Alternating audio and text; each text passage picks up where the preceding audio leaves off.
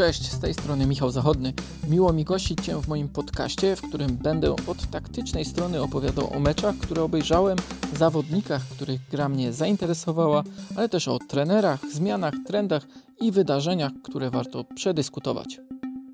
O tym, że ten sezon jest wyjątkowy, nie muszę nikogo specjalnie przekonywać. Patrzymy na wyniki, sposób gry i to, jak zmieniają się piłkarskie trendy, a te wszystkie informacje przetwarzamy we wnioski, które nie stawiają pandemicznego futbolu w najlepszym świetle nie tylko pod względem stylu, intensywności, pressingu, lecz także frajdy, faktycznego pasjonowania się tym sportem, wyczekiwania na mecze. Bardzo dobrze opisał to ostatnio Paweł Grabowski na łamach Nuance, tłumacząc z czego to wynika i jakie są efekty tego przesytu futbolem. Skoro coraz trudniej przyciągnąć uwagę widza, to może też trzeba szukać elementów piłkarskiego przedstawienia, które będą po prostu atrakcyjne. Myślę, że tak jest z Bayernem Monachium i Robertem Lewandowskim, którego pościg za rekordem Gerda Millera jest pewnie ciekawszy niż rywalizacja o tytuł mistrzowski w Niemczech.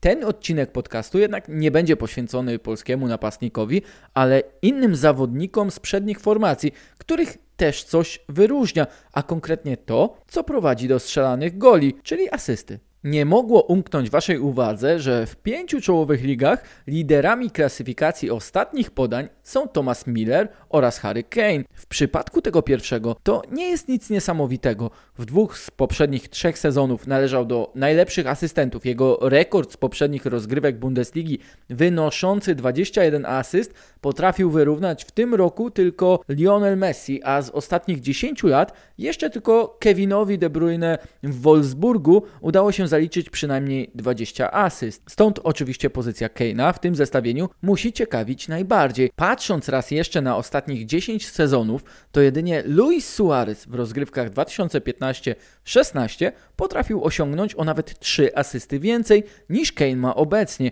I oczywiście jego zaliczamy do tej grupy napastników, choć dla obecnego wyniku Kane'a to porównanie mogłoby być nie fair. Tamta Barcelona zdobyła Mistrzostwo Hiszpanii, wygrała Puchar Króla, Klubowe Mistrzostwo Świata i Super Puchar Europy. Myślę, że wszyscy uznamy, że Tottenham ma trochę inne cele i możliwości w tym obecnym sezonie. Kane za partnerów w ataku nie ma też przecież Messiego ani Neymara, choć były w tym sezonie momenty, gdy jego współpraca z Hwang-Minsonem, a nawet z Garethem Bale'em wyglądała obiecująco o tej pierwszej relacji trzeba nawet napomknąć więcej, bo z ich kombinacji zagrań w tym sezonie Premier League wzięło się już 14 goli, czyli ponad 1 czwarta wszystkich trafień ligowych Tottenhamu oraz najwyższy wynik od 1995 roku, gdy Alan Shearer i Chris Sutton robili furorę w Blackburn Rovers. To jednak nie jest jedyny cel tego duetu, bo przed Kane'em i Sonem w klasyfikacji ogólnej w historii Premier League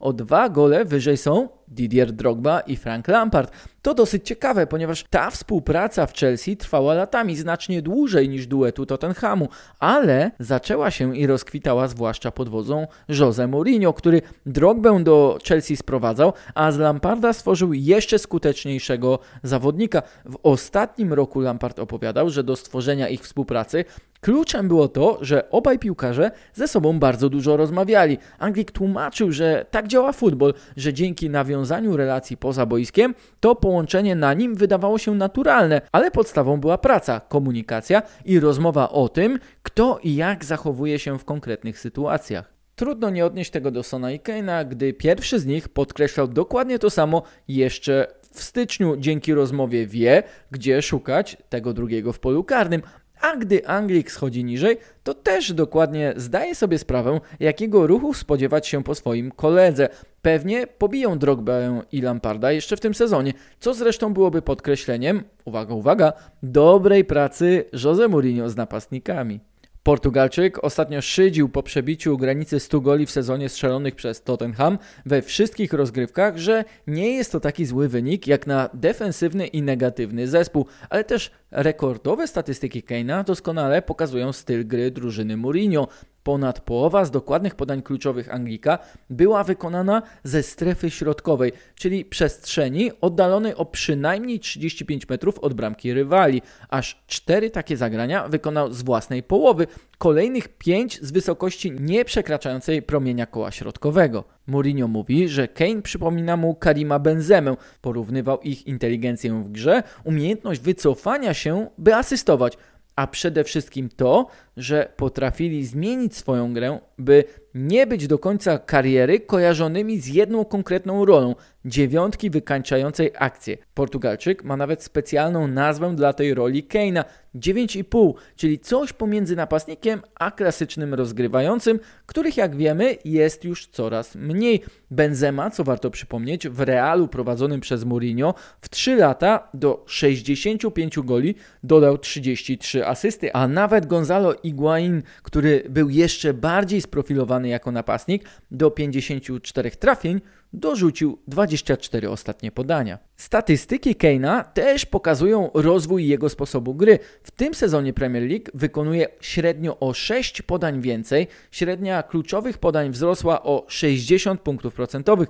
Patrząc na raport scoutingowy FBref, widzimy, że Kane jest w czołowych 10% napastników pod względem podań progresywnych, długich, w strefę ataku i tych zagrań, które tworzą okazję do strzelenia gola. A przecież do wykonywania podań progresywnych, czyli zdobywających metry do bramki rywala, a także posyłanych w strefę ataku, potrzebna jest właśnie przestrzeń. Dlatego raz jeszcze warto spojrzeć w mapę celnych kluczowych podań Keina, by dostrzec, że paradoksalnie to reaktywny styl gry Tottenhamu Mourinho rozwinął go jako napastnika. Ponad 1 trzecia wszystkich asyst Keina w londyńskim klubie jest z obecnego sezonu. Jeśli Tottenhamowi nie uda się zdobyć żadnego trofeum, ani nie zakwalifikują się do Ligi Mistrzów, to będzie marne pocieszenie, choć dla ewentualnego następcy Portugalczyka, kiedykolwiek by on się nie pojawił, kimkolwiek by nie był, to powinna być świetna wiadomość. O Tomasie Millerze, czyli współliderze klasyfikacji asystentów w czołowych ligach Europy, wiemy już znacznie więcej jako o zawodniku podającym, czy po prostu rozgrywającym. Co ciekawe, ostatnio bardzo komplementował go Jamal Musiala. Nazwał Millera dziesiątką, zresztą jedną z najlepszych w Europie. Osiemnastolatkowi można wybaczyć, ale droga Millera bardziej przypomina znacznie przyspieszony proces, który przechodzi obecnie Kane. Oczywiście nie porównuję ich jako napastników, ale chodzi o to, że u Niemca znacznie szybciej Bayern i jego kolejni trenerzy zaczęli wykorzystywać umiejętność operowania między liniami, wycofywania się z pierwszej linii, by szukać okazji do podań. Jednak to nie dziesiątka, on spełnia rolę, którą sam po piłkarsku zdefiniował, czyli Raumdeutera, zawodnika szukającego, dostrzegającego i wykorzystującego nawet najmniejsze wolne przestrzenie w defensywie przeciwnika. Musiala może tego nie pamiętać, ale Miller całkiem nieźle potrafił łączyć strzelanie goli z asystowaniem. W czterech sezonach od 2012 do 2016 roku zdobył dla Bayernu ponad 100 bramek. Może młodszy kolega bardziej kojarzy kolejne statystyki z ostatnich lat, gdy Miller miał problemy z przebiciem granicy 10 trafień w Bundeslidze, z tym, że był odsuwany od składu przez Carlo Ancelottiego i Niko Kowacza. Wydawałoby się jednak, że szukając numerycznego odpowiednika, nadal nie wskazalibyśmy na dziesiątkę, lecz właśnie 9,5. Miller to jednak o tyle interesujący przypadek, że w porównaniu do Keina ten rozwój zaczął się na tyle wcześniej, że teraz programy analityczno-scoutingowe porównują Niemca nie do innych napastników, ale wręcz właśnie do rozgrywających. Przykładowo FBref wskazuje na Marco Roysa, Bruno Fernandesza, Leroya Zane, Federico Chiesę, Daniego Olmo, gdy odpowiednikami statystycznymi Keina są Ibrahimowicz, Morata, Moreno, Belotti, Dzeko czy Zapata. Instat, oprócz wielu tych samych wskazań, w przypadku Millera dodaje Masona Mounta i Kaja Havertza, a u Keina są tu Lukaku i Depay. Po ostatnich dwóch asystach z Werderem Brema zostało mu 9 spotkań na pobicie własnego rekordu asyst z poprzedniego sezonu. Zaczyna się więc kolejny, podobny do tego Lewandowskiego, wyścig o wynik, który byłby nawet e, w lidze tak zdominowanej przez jeden zespół jak Bundesliga niesamowity. Nawiasem mówiąc, skoro przypominamy rolę zawodników, to o ciekawe porównanie pokusił się dziennikarz Frankfurter Allgemeine Zeitung, który o Millerze napisał, że przypomina detektywa, którego zadaniem jest nieustanne śledzenie piłki. Nieważne ile nóg i głów ona dotknęła, jak często zmieniała kierunek i prędkość, zawsze zdawała się być w pobliżu Thomasa Millera. Tytuł tego tekstu też wiele mówi. Miller jest wszechobecny. Świetnym tego przykładem był zresztą gol, który przyniósł jego drugą asystę z Werderem jeśli macie możliwość, to zobaczcie, ile razy w krótkim okresie wykonywał on ruch do przodu i w tył, gdy rywale desperacko starali się oddalić zagrożenie od własnego pola karnego, by i tak skończyło się wbiegnięciem Millera w drugie tempo, świetnym zgaszeniem piłki i zgraniem na bramkę do Gnabriego. Jego liczby w rozegraniu piłki pośród wszystkich napastników z czołowych pięciu lig Europy są niesamowite.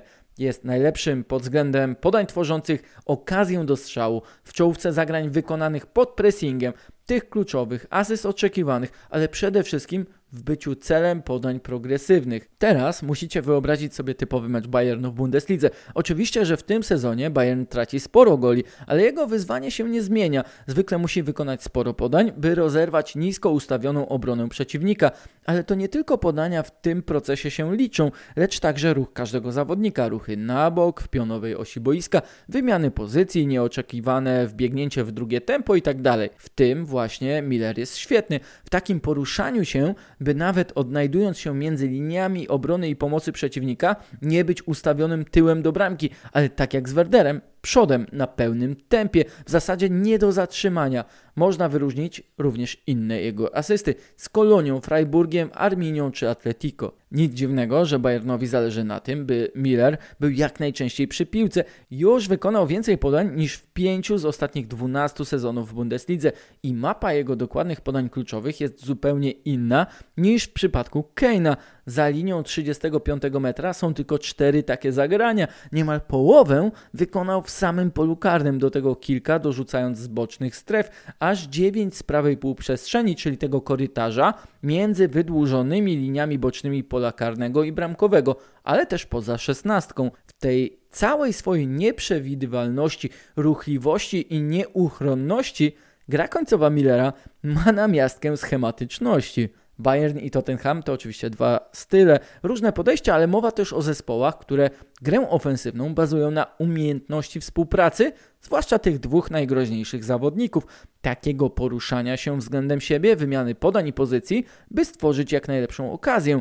Dzieje się to niezależnie od odległości dzielącej ich od bramki przeciwnika, sposobu atakowania może ten sezon, jakkolwiek dziwny, zaskakujący i nużący, będzie też sygnałem, że samo strzelanie nie może być jedynym działaniem zawodnika z pierwszej linii. W końcu z czołowej pięćdziesiątki najskuteczniejszych piłkarzy z pięciu czołowych lig Europy tylko trzech nie zaliczyło żadnej asysty.